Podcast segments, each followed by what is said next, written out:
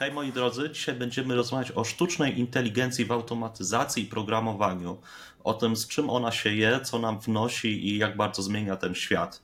Z nami dzisiaj wyjątkowy go gość, Krzysztof e, Karaszewski z HSBC. I słuchaj Krzysiek, jakbyś mógł o sobie troszeczkę opowiedzieć? No, witam wszystkich serdecznie. E, Krzysztof Karaszewski, dziękuję Mikołaju za zaproszenie. Pracuję w sumie w automatyzacji już ponad 7 lat. E, nie było to szkolenie osób z całego świata z narzędzi RPA. Od kilku lat zajmuję się produktami RPA w jednym z największych banków na świecie, jakim jest HSBC. Jasne. A słuchaj, powiedz mi, jak wyglądał taki Twój wstęp do tej całej przygody z automatyzacją? Jakbyśmy mogli taką trochę Twoją sylwetkę przybliżyć, jak to się stało, że jesteś tutaj, gdzie teraz e, rezydujesz? E, wiesz co, ja jeszcze wcześniej mm, spotkałem się z automatyzacją, jakby potrzebowałem automatyzacji w shared serwisie, w którym pracowałem w Warszawie. Tam e, było dużo takich manualnych procesów do automatyzacji. Na tamtą chwilę takie narzędzia jak Blue Prism czy UiPath były dość mało znane. Także zacząłem się bawić e, automatyzacją przy pomocy AutoHotki, Selenium i takich narzędzi. I, I, jakby w ten sposób się zetknąłem pierwszy raz z automatyzacją, a potem dołączyłem do jednego z. Naj, no w pewnym momencie to był największy startup e, RPA na świecie, czyli Symphony Ventures, e, gdzie tam pracowałem jako RPA Training Manager i po prostu dostarczałem szkolenia z zakresu narzędzi RPA praktycznie na całym świecie, także bardzo fajna, fajna przygoda i no tak jakby tutaj moja się kariera zaczęła i stąd moja styczność z RPA. Jasne, a jesteś, że tak powiem, z tej samej drogi automatyków, jak myślę, którą podążyła większość z nas, to znaczy, że w ślad tej technologii zaprowadziła cię jakaś taka irytacja powtarzalnymi zadaniami, coś, czego już nie mogłeś dłużej znieść, po prostu, co wytrącało cię z równowagi, jak myślałeś na ten temat? Znaczy, tak, tak, można w skrócie tak, e, tak powiedzieć, że, że to był jakby mój taka bolączka, którą widziałem w biznesie i patrzyłem na różnego rodzaju rozwiązania, które mogą to adresować. Tak jak mówię, na początku to było Selenium, autohotki i widziałem już pierwsze sukcesy, gdzie byliśmy w stanie zaoszczędzić ogromną liczbę godzin. To były też rozwiązania attended, jeszcze, że tak powiem, 7 lat temu to wszystko raczkowało i puszczało się oczywiście unattended roboty na normalnych laptopach z karteczką dla pani sprzątającej, żeby broń Boże myszki nie ruszać i to w zasadzie tak wyglądało. I jakby no od razu widziałem ten potencjał, chociaż byłem, byłem ciekawy, znaczy to, co mnie zastanowiło, że jakby pokazałem te systemy e, informatykowi, z którym współpracowałem na, na tamtym etapie, ja on mnie powiedział, że no raczej tu nie, nie przejdzie, on nie jest e, jakby wielkim zwolennikiem i sądzę, że tak to też zostało w świecie IT, że automatyzacja jest raczej taką piątym kołem niż czymś, co rzeczywiście rozwija czy wnosi jakąś wartość dodaną do, do dla biznesu, tak? czy, czy w ogóle do struktur IT.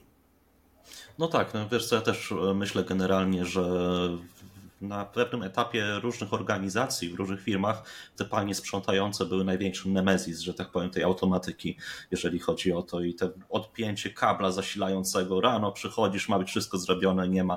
To jest chyba najgorsza rzecz. Ale właśnie, wspomniałeś, że tutaj pracowałeś trochę przy Selenium. Ja akurat Selenium znam od strony Pythona, bo sam w nim trochę automatyzowałem i to były takie moje początki. I pamiętam, że miałem z nim straszny problem. W momencie, kiedy ja automatyzowałem przeglądarki internetowe, istniał taki paskudny trend na tworzenie, nie wiem czy to nadal istnieje, iframe'ów. Nie wiem, kojarzysz ten temat troszeczkę, czy nie? No tak, tak. Znaczy na iframe no chyba teraz są mniej popularne, bo tam się zmieniły tak. te, e, te frameworki, ale sądzę, że za iframe'ami to jest nadal problem, nie tylko przy Selenium, ale też przy normalnych automatyzacjach jest. Dokładnie. Nie jest tak łatwo zautomatyzować, tak? Zwłaszcza, że Dokładnie. tam są pewne kwestie dotyczące security, tak? Że to jest uważane jako oddzielna strona internetowa, pod którą się często trzeba oddzielnie podpiąć. No właśnie, dlatego, dlaczego ja o tym mówię? Ponieważ e, żyjemy w takich fajnych czasach, że teraz mamy tą rewolucję sztucznej inteligencji i powoli ta wiedza, która była taka zamknięta w dosyć małym pudełku, znana przez niewielu ekspertów, staje się coraz e, bardziej dostępna dla nas wszystkich. I te iframe'y, które ja pamiętam, że przeklinałem z całego serca, ostatnio próbowałem napisać prosty skrypt. Powiedziałem czatowi GPT w tym momencie: Ej, słuchaj, mam taką stronę, są cztery iframe'y, napisz mi algorytm, który będzie mnie przepinał między jednym a drugim przy takich, takich warunkach.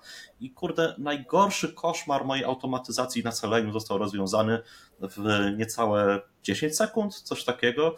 I tak chciałem Cię właśnie zapytać, e, jak Ty to widzisz, właśnie te AI w ogóle czy to według Ciebie tutaj będzie miało bardzo duży wpływ na tą automatyzację, na przyspieszenie tego, na demokratyzację automatyki? Automatyki RPA w tym wypadku. Mm -hmm. Znaczy, ja sądzę, że to nie jest kwestia, e, znaczy pytanie nie powinno brzmieć, czy będzie, tylko jaka jest skala tego obecnie, bo z tego, znaczy, jeżeli ktoś tego używa, to od razu widzi, jak.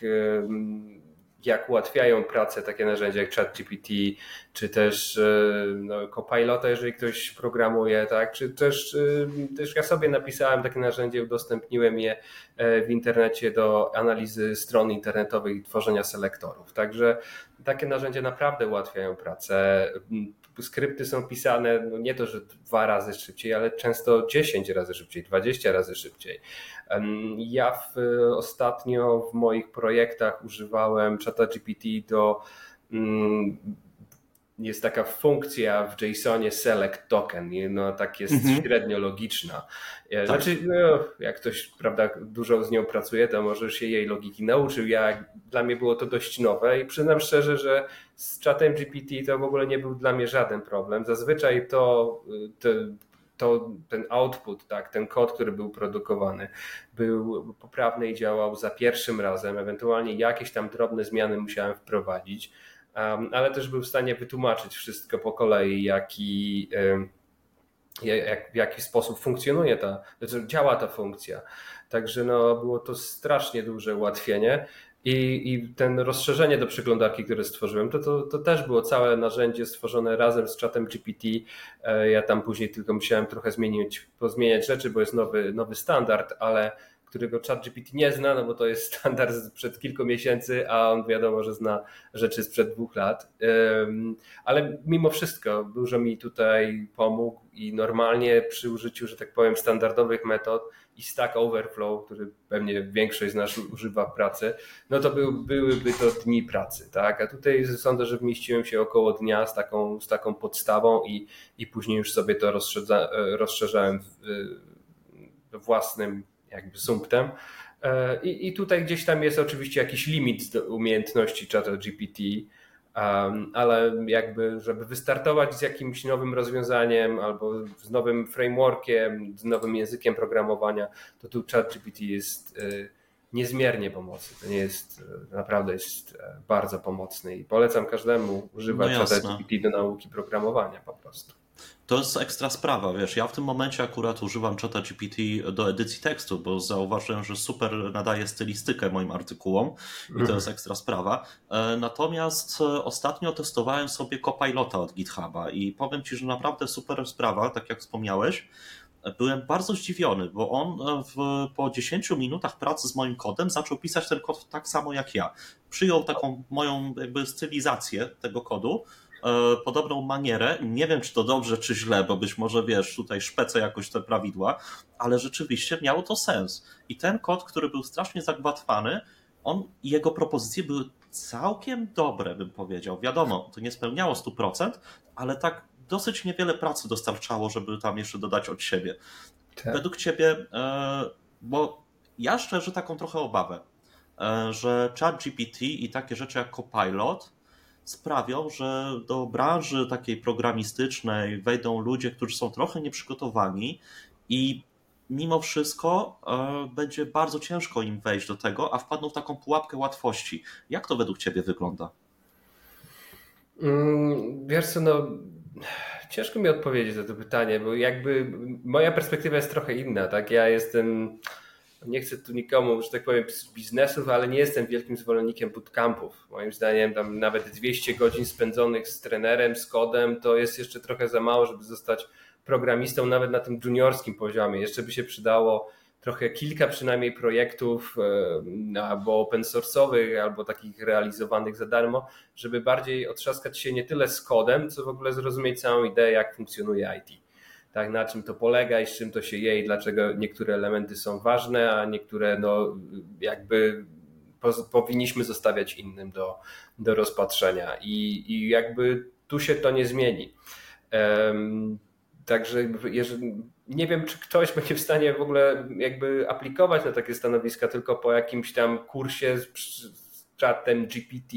Sądzę, że tutaj kwestie takie rekrutacyjne na pewno się zmienią, no bo w tym momencie, jeżeli mamy te testy online, tak, no to te testy online w tym momencie nie mają żadnego sensu, bo ja sobie wkleję to zadanie do czata GPT tak, i mam po prostu rozwiązanie praktycznie e, w następnej sekundzie. Tak, e, i które najprawdopodobniej będzie działać. W związku z tym te testy wiedzy online, no to już nie będą e, moim zdaniem miały za dużego sensu. No tak, to wiesz, pod tym kątem masz tej rację. Przecież e, już chyba rok temu była głośna sprawa, że ChatGPT został lekarzem i prawnikiem, bo zdał bez problemu egzaminy do palestry i tak zwany lek, nie? Więc pod mm -hmm. tym mhm. kątem to jest to. No dobra, ale właśnie jakbyśmy mieli sobie popatrzeć w ten sposób e, i pomyśleć sobie, że ChatGPT służyłby nam raczej jako dokumentacja, jako taka encyklopedia, z której możemy czerpać i wiesz, szybko wyszukiwać odpowiedzi, szybciej niż e, Stack Overflow, który ja przynajmniej mam koszmary z nim, bo dla mnie Stack Overflow to jest prawie elektroda.pl, bardziej toksycznego środowiska sobie nie wyobrażam do zadawania pytań i staram się tego unikać. E, natomiast tutaj właśnie chciałem Ciebie zapytać, jak patrzysz na ten e, teraz trend tworzenia tych asystentów w rozwiązaniach RPA. W sensie UiPath uruchamia własnego copilota. E, widziałem też, że Automation Anywhere zaczyna z czymś startować. Co o tym myślisz? Czy takie jakby sztucznie wygenerowane kody, które sobie tworzą to na podstawie e, polecenia wpisanego, tak jak właśnie hej, zrób mi jaki jest przepis na chleb, e, mają rację bytu w świecie automatyki? Znaczy, może ja powiem najpierw, że jestem trochę zawiedziony tym, co pokazał UiPath. Ja jednak myślałem, że to będzie bardziej zaawansowane narzędzie. W sensie sam Copilot jest bardziej zaawansowany niż to, co, znaczy dużo bardziej zaawansowany niż to, co pokazał UiPath. UiPath w zasadzie nie wiem, czy tam można pisać kod. Ja nie jestem pewien. Z tego, co to było pokazane, to tam było jedynie uruchamianie botów, tak? No to znaczy ja jestem w stanie odtworzyć tą funkcjonalność w czacie GPT przy pomocy tych custom functions, tak? To jest, e, mhm. także to nie jest jakby ten poziom, którym ja, ja się spodziewałem po UiPathie. Tam wcześniejsze zapowiedzi były e, bardziej górnolotne i tam miał być tworzony kod, zwłaszcza, że w tym momencie, jeżeli je zapytam do promptu dorzucę kod strony internetowej, to mi chat GPT wypluje kod w Selenium, tak? Także ja sądzę, że no tutaj... No tak i to, to całkiem dobry. A to jeszcze, że tak są, powiem, początki i kto wie, jak to będzie się rozwijać dalej, tak? Także na razie to jestem dosyć, za, znaczy nie tyle zawiedziony, tylko myślałem, że po prostu pokażą więcej, że to jednak będzie taki asystent do budowania botów, a nie asystent pracy. No fajnie, że też jest można pogadać sobie z PDF-em, um, ale to raczej jest odtwarzanie pewnych e, trendów niż, niż ich kreowanie tak jak UiPath miał w przeszłości. A to tutaj aż Ci mogę przerwać, że tak to powiem, bo mieliśmy event w Bayerze, gdzie pracuję, organizowałem Customer Connecta i mieliśmy live demo właśnie tego mhm. i chyba widzieliśmy trochę nowszą wersję od tego, które Ty miałeś okazję, ponieważ nasz przedstawiciel podszedł do laptopa, wpisał tam ej, do studia webowego, co jest bardzo ważne, bo to jest e, mhm. moduł do studia webowego. Siema, potrzebuję otworzyć PDF-y w Salesforce, czy mógłbyś mi tam wygenerować propozycję kodu i rzeczywiście e, dostał propozycję workflowa całego do wyciągania Aha. tych danych. Ale to, mhm. tak jak mówisz, prawdopodobnie to jest jakiś produkt, który się dopiero rozwija. I tak zastanawiam się, czy UiPath jako taka duża firma trochę nie zaspała w tym wszystkim. E, czy to jest po prostu na tyle świeże, e, wiesz, w developmencie, nie? że mamy jakby dwa różne wrażenia z tego wszystkiego. Nie, no sądzę, że nie zaspała. Tak, może może miałem zbyt wygórowane oczekiwania, i, ale ogólnie sądzę, że nie zaspała. No jedno, I tak są jedną z pierwszych firm. Tak? W tym momencie no, mówić coś o Automation Anywhere, ale praktycznie żadna inna firma nic nie oferuje podobnego z tej z, z ery z grona firm RPA. Tak, nawet ten Copilot do Power Platform to jest tylko ten cloudowy, nie ma niczego do mhm. Power Automate Desktop, także no, tutaj rzeczywiście wychodzi trochę naprzeciw UiPath. Zobaczymy, jak to będzie się rozwijać. Tak? Być może to są tak, tak jak mówisz, takie wczesne wersje. Trzeba też pamiętać, że, że niektóre rozwiązania UiPatha dość długo były w takim wersji, wersjach preview.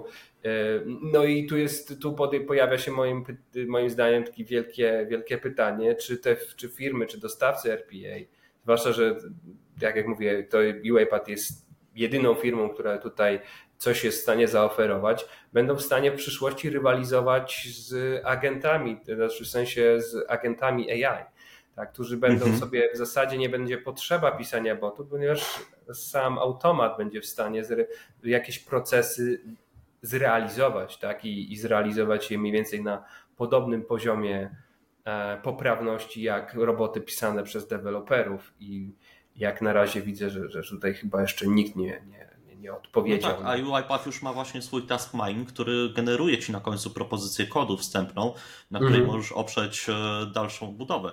Ale na przykład zobaczmy sobie w ten sposób. Teraz e, cały czas gorącym tematem e, w automatyzacji jest citizen development.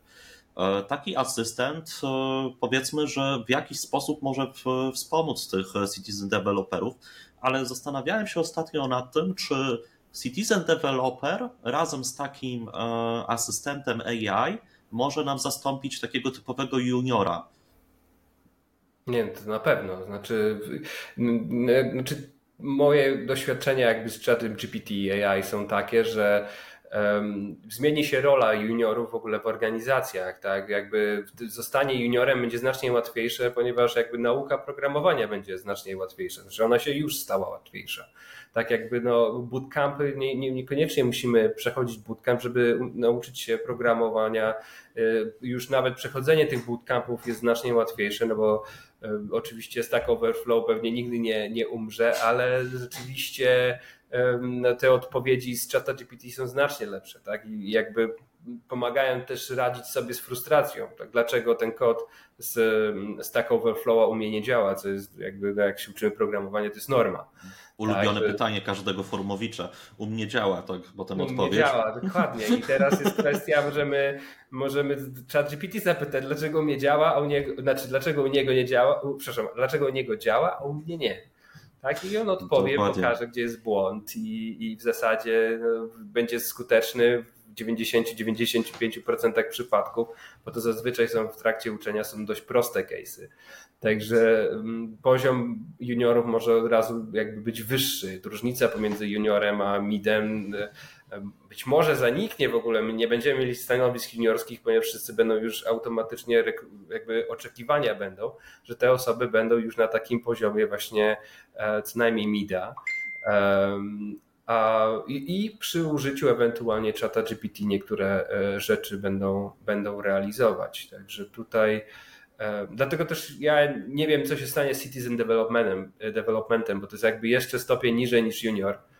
I, i w związku z, że to może mhm. zaniknąć, no to to, to, to nie wiem też, co z jaki jest sens, w sensie, jeżeli tak, taki prosty kod może być bezpośrednio pisany przez, przez sztuczną inteligencję, czy w ogóle warto normal, pracownikom zwyczajnym inwestować, ich szkolić, później dbać o ten cały governance, tak, to są olbrzymie koszta, a, a później tak na końcu okazuje się, że oni tworzą tego bota, nie wiem, w 4 godziny, a sztuczna inteligencja wygeneruje go w 30 sekund. Tak, bo, do, no bo tak. do takiej, o takiej skali mówimy tutaj w tym, w tym, w tym momencie. Ja te, na przykład jest taki proces ACME 5, tak? czyli ten hash generation, który jest też częścią mhm. szkolenia zaawansowanego dla, na UiPath, no to ja byłem w stanie wygenerować konf 15 minut na całe rozwiązanie. Gdzie wow, oczywiście junior by to, znaczy jak byłem juniorem, jak się uczyłem UiPatha, czy też moi koledzy się uczyli UiPatha, to nam to zajmowało dzień, dwa, trzy, tak? No wiadomo. Dla tych, co nie wiedzą, to, to jest najgorszy koszmar każdego dewelopera RPA. Zaraz po nim jest e, RPA Challenge, e, na którym możecie sobie poćwiczyć, czy wasze kody dobrze działają, ale mm. jest to jeden z tych etapów, który każdy z nas musi przejść na naszej drodze krzyżowej. i chyba każdy przy tym był. A jak nie, to na pewno go to czeka, jeżeli chce być profesjonalnym deweloperem. Słuchaj, a powiedz mi jeszcze jedną rzecz, bo ja zauważyłem taki jeszcze jeden problem związany z tym AI. Nasi menadżerowie bardzo często to są osoby nietechniczne, to są osoby, które znają się na biznesie i tutaj jak najbardziej wiesz, e, wiedzą, gdzie ugryźć temat, żeby go pociągnąć dalej, nie? Ale w jaki sposób według Ciebie byśmy mogli zbudować taką świadomość e, wśród naszych menadżerów, gdzie są granice zastosowania tego AI? Bo zauważyłem, że AI stało się strasznie takim głośnym tematem i często się pojawia na zebraniach, że takie my wdrożymy AI, my to będziemy mieli. Natomiast mam takie dziwne odczucie, że niekoniecznie wiedzą, co można z tym zrobić, a czego nie. Znaczy, ja bym na razie, stary, znaczy, jeżeli mogę coś powiedzieć tutaj w tym zakresie, to, to na razie bym się jednak wstrzymał z uruchamianiem tego wszystkiego na produkcji. I ponieważ e, brakuje w tym momencie frameworków do uruchamiania takich rozwiązań związanych ze sztuczną inteligencją, z testowaniem sztucznej inteligencji, tak w jakichś tam małych projektach, które dotyczą małych działów, oczywiście należy w to wdrażać, należy eksperymentować i próbować, bo e, jakby jeżeli zostanie się w tyle, to można w tyle zostać naprawdę daleko. W sensie e, to, to może się nagle rozwinąć, jeżeli nie będziemy mieli w ramach zespołu takich umiejętności związanych z działaniem ze sztuczną inteligencją, to możemy zostać w tyle, tyle bardzo daleko za konkurencją bo uczenie się tych umiejętności może trochę potrwać, a w tym momencie nasza konkurencja już wie, jak to działa, wie, jak to testować, wie, jak to wdrażać, i w związku z tym oni już jakby będą dostarczać te, te rozwiązania. A tak jak rozmawialiśmy, proste rozwiązania w sztucznej inteligencji są dość łatwe do implementacji, a może nie tyle implementacji do stworzenia, tak? Bo my jesteśmy w stanie tutaj y, użyć tej, y, tego, tej sztucznej inteligencji jako dźwigni która pozwala realizować procesy szybciej. Także rozwijanie kompetencji jak najbardziej tak. Sądzę, że to powinien zrobić, zacząć robić każdy menadżer. Dbanie o to, e, żeby przynajmniej była jedna osoba, która jakby śledzi to, co się dzieje w świadku AI, a dzieje się naprawdę bardzo dużo. E, plus do tego no przynajmniej jedna osoba, która już jest w stanie realizować jakieś tam małe projekty, wie jak integrować się z OpenAI API, jak wpisać prompty, tak? To jeszcze do tego chyba przejdziemy, ale, ale to mhm. już sądzę, że, że w tym momencie jest ten moment na inwestycje w kompetencje, a e, prawdopodobnie jak już zaczną te frameworki powstawać, to wtedy będzie ten moment, żeby zacząć inwestować w e, produkty, tak, czy, czy już oferować jakieś usługi swoim klientom. No jasne. Super Krzyk, że, że wspomniałeś o frameworkach. Ja właśnie wiem, że pracowałeś nad jakimś ciekawym projektem i bardzo by mi zależało, żebyś się z nami tutaj podzielił, opowiedział, co właściwie stworzyłeś.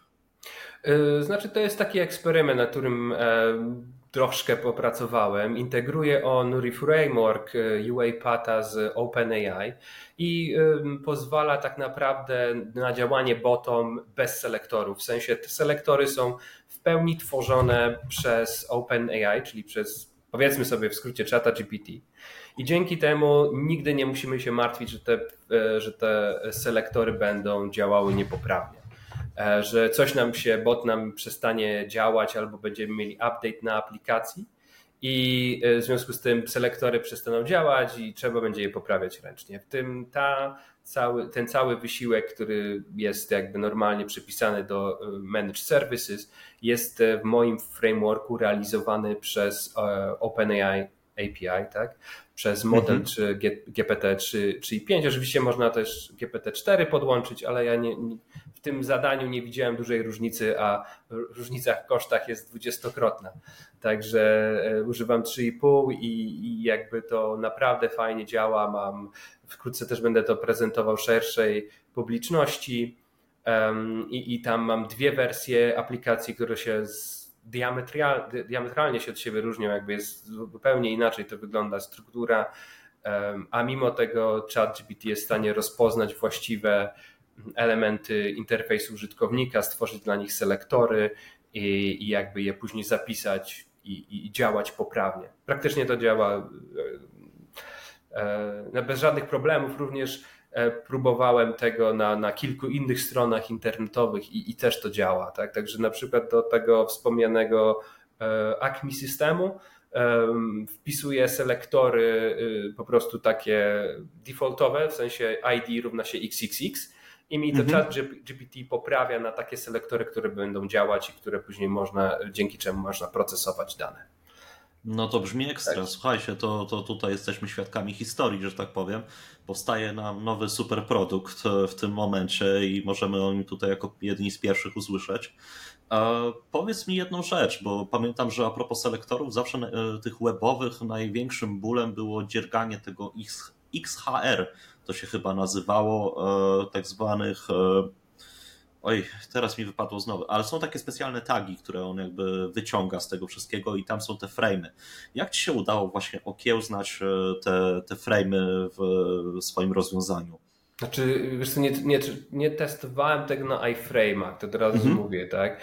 Ja to testowałem na, y, na, na tak dość, tak mówię, na tych aplikacjach, które są publicznie dostępne. E, raczej tu chodzi nie tyle, nie tyle mi chodziło tutaj, żeby poradzić sobie z najmożliwie najtrudniejszymi przypadkami, tylko po prostu, żeby sobie poradzić z jakimiś przypadkami, tak? E, Jasne. I w związku z tym na przykład ten mój reframework rozwiązuje RPA Challenge, a rozwiązuje o. go po prostu y, dlatego, że jakby tylko że działa bardzo wolno. Tak? No, przy każdym odświeżeniu widzi, że te poprzednie selektory nie działają. W związku z tym wysyła in, in, tą, ten kod strony www i prompt do OpenAI i tam y, model GPT procesuje te informacje i zwraca mi selektory już w formacie UiPath, które następnie używam e, w procesie. E, I działa wolno, tak, ale też trzeba powiedzieć, że w niedalekiej przyszłości e, będziemy mieli takiego czata GPT, tego płatnego, czyli tą wersję 4. W zasadzie będziemy go w stanie uruchomić na własnych komputerach, albo też, też koszty działania takich rozwiązań znacznie spadną. W związku z tym no, czekam tutaj też właśnie, jak do tego się odniosą dostawcy narzędzi RPA, czy właśnie w no w sensie to chyba wygląda, że, że będzie taki trend, że coraz większa część kodu, nie tylko RPA, ale chyba w ogóle kodu takiego produkowanego również w narzędziach IT, będzie generowana przez sztuczną inteligencję. No jasne. E, słuchaj, tylko powiedzmy dla naszych słuchaczy, którzy niezbyt wiedzą, czym RPA Challenge jest. E, generalnie, jeżeli chcecie sprawdzić swoje siły i zobaczyć, czy już jesteście dobrymi deweloperami, RPA Challenge jest zestawem zadań e, typowo automatyzacyjnych, na których na przykład musicie wyklikać określoną sekwencję guzików, które zmieniają swoje pozycje. E, nie wiem, Krzysiek, które z tych zadań było Twoim ulubionym, jeżeli mogę zapytać, jeżeli pamiętasz? Mm, wiesz co, no faktycznie na każdym cały czas testuję, także nie mam swojego ulubionego. Okay. Chyba jednak ten Acme Process 5, bo jest to e, trochę bardziej złożona automatyzacja, e, także tutaj jakby jestem w stanie ewentualnie sprawdzić sobie potencjał danego narzędzia już w jakiejś pewnej skali. E, jeżeli chodzi o e, RPA e, Challenge, to te moje rozwiązanie, te, które będę prezentować, związane z, z OpenAI, to um, troszkę też bazuje na RPA Challenge, ponieważ tam selektory wbrew pozorom nie są takie trudne, tylko trzeba wiedzieć o jedno, że jak się tworzy customowe selektory, że są pewne mhm. wartości, które nie pokażą się w UI Explorerze, Explorerze, tylko możemy je wpisać ręcznie. I jakby no, ten OpenAI zapytany o to, jak, żeby stworzył selektor, który jest najbardziej stabilny, który nie używa ID, to on znajdzie tą właśnie customową wartość i stworzy poprawny selektor. Tak? Czyli, czyli realnie okay. on już jest w stanie coś wygenerować lepszego niż nawet taki no, mid-level developer. Tak? Um, i, I poradzić sobie bardzo dobrze z, e, z RPA Challenge. A słuchaj Krzysiek, pytanko jeszcze takie. E, twoim frameworkiem, czy, czy my będziemy mogli się nim pobawić? W sensie, czy on będzie publicznie dostępny? Jak to w ogóle przewidujesz? Tak, będzie, będzie publicznie dostępny. Tutaj mówiłeś o produkcie, ja sądzę, że to nie jest jeszcze na takim etapie, żeby to był, to był produkt, to jest bardziej eksperyment, um, który ja chcę, żeby zainspirować inne osoby do tego, żeby po prostu zaczęły um, z, ze sztuczną inteligencją pracować, ponieważ to jest... Um, Być może czeka nas kolejna jakaś tam rewolucja, w której my będziemy musieli zmienić swoje kompetencje. Na pewno będziemy musieli się nauczyć pracować ze sztuczną inteligencją. To będzie e, bardzo duże wyzwanie dla, dla wielu. E, proszę, musimy pamiętać o tym, że przez wiele lat, jak komputer myśleliśmy, tak, to myśleliśmy stuprocentowo dobra odpowiedź, tak, albo no, jeżeli nie ma błędów, tak, no, ale tak powszechnie się przyjęło, że to, to, to co powie komputer, jest, e, jest na pewno prawdą. W tym momencie praca z sztuczną inteligencją wygląda trochę inaczej. My musimy, nawet w moim frameworku mam takie rozwiązanie, gdzie zaczyna się konwersacja ze sztuczną inteligencją. W sensie, jeżeli nie jest w stanie znaleźć tego selektora wygenerowanego przez sztuczną inteligencję, to wtedy zaczynam konwersację, znaczy to, to jest, dzieje się automatycznie oczywiście, e, wysyłam jakby po prostu drugie zapytanie w czacie i mówię, że ten selektor nie działa, wygeneruj mi nowy i zwróć uwagę na te i na te aspekty. Tak? I zazwyczaj po, po, najczęściej po pierwszym razie już jest dobry, ale jeżeli tam jest dalej nie, nie jest w stanie go wygenerować poprawnie, no to to zajmuje tam trzy, trzy albo cztery wymiany zdań, żeby w końcu ten dany selektor działał, e, działał poprawnie. E, I między innymi tego będziemy się sądzę musieli wszyscy, wszyscy nauczyć właśnie jak konwersować E, ze sztuczną inteligencją, jak wydobywać z tej olbrzymiej sieci neuronowej te informacje, które, które chcemy, te, które będą dla nas wartością dodaną w projektach. No tak, e, słuchaj, no właśnie o tym powiedziałeś i też chciałbym Cię podpytać, co o tym myślisz. E, wchodzimy w nową erę, tak? Kompletnie nową erę, coś kompletnie dla nas nowego. Pojawiają się nowe zawody, między innymi prompt inżynier. Prompt inżynier, dla tych, co nie wiedzą, to jest osoba, która umie rozmawiać z czatem GPT w tym wypadku. To jest osoba po prostu, która wie, jak rozmawiać ze sztuczną inteligencją. Mieliśmy ostatnio głośnego case'a, w którym chat GPT wygenerował e, strasznie duże kluczy do Windowsa na umierającą babcię.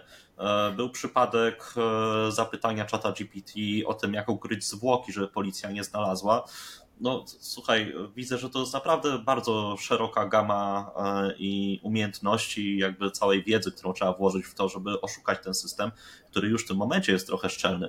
Ale powiedz mi, taki prompt inżynier, e, z Twojej perspektywy, jakie cechy e, powinna mieć ta osoba, która będzie się tym zajmować?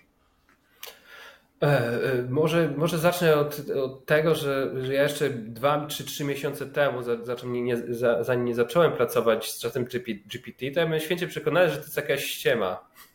Że to jest sztuczna inteligencja, jak nie będę, nie, będę pewny, czy to jest rezultat ten, który bym oczekiwał, no to na pewno mnie jakoś nakieruje.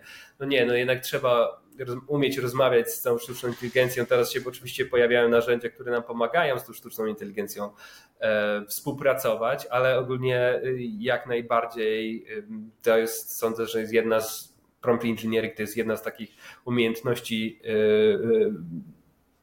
potrzebnych nam, nam w przyszłości i na pewno jest e, warto e, inwestować swój czas przede wszystkim, tak jak mówię, w po prostu bawienie się sztuczną inteligencją, tak? Nawet takie proste zabawy, znaczy proste, próba oszukania sztucznej inteligencji, tak? Jest to jakąś formą ćwiczenia i sprawdzenia, w jaki sposób sztuczna inteligencja funkcjonuje, w jaki sposób nam e, od, odpowiada, tak? Już większość tych e, takich e, case'ów, gdzie tam czy jak ukryć zwłoki, czy, czy jak tam podać stworzyć jakąś miksturę chemiczną, truciznę, tak, no to już większość tych E, na większość tych tematów już ChatGPT nie będzie chciał z nami e, rozmawiać, bo już został e, tutaj wytrenowany, żeby tego nie robić.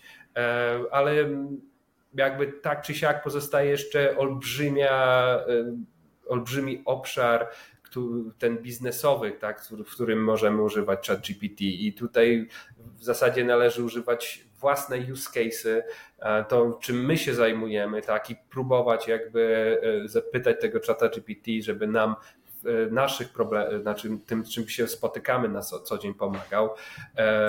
Są e, bardzo dobre kursy z deep learning, które, które serdecznie polecam.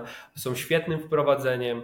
Raczej nie polecam kursów takich jakichś internetowych, które w zasadzie bardzo często są kopii wklej tego, co możemy znaleźć za darmo na YouTube. No tak, bo to po co przepłacać mimo wszystko? Słuchaj, wspomniałeś tak, no, o narzędziach, które ktoś... mogą próbuje jakby zrobić pieniądze tak, na, na, na pewnym hype. Tak. Krzysiek, wspomniałeś o narzędziach, które pomagają w rozmowie z AI. Możesz nam coś o nich więcej opowiedzieć? Wiesz co, to w tym momencie są raczej frameworki, które tak jak mówię pomagają zapytają nas tak, bardzo szczegółowo mhm. o to, co byśmy oczekiwali. W związku z tym, że ta wiedza na temat prompt engineeringu jest dość świeża i nowa, nie wszyscy wiedzą, jak budować te prompty, także powinny no, być tam przede wszystkim dobrze opisany problem, najlepiej przykład, albo w ogóle kilka przykładów, tak, tego oczekujemy. I na tej podstawie ChatGPT będzie w stanie e, wygenerować nam taką odpowiedź, która będzie nas satysfakcjonować. W związku z tym, że, że, tych, y, że, że nie każdy jest jakby świadomy tego, e, jak powinny być te prompty budowane, e, to takie narzędzia po prostu zazwyczaj zadają nam szereg pytań, takich dość jeden po drugim, tak, aby ten e, później ten prompt był bardziej złożony. I w zasadzie też trzeba ze względu na architekturę rozwiązań, takich jak ChatGPT czy duże Language Models, tak, mhm. duże modele językowe. Trzeba pamiętać o tym, że im więcej my wpiszemy do tego prompta, tym dłużej będzie e, ta sztuczna inteligencja myśleć.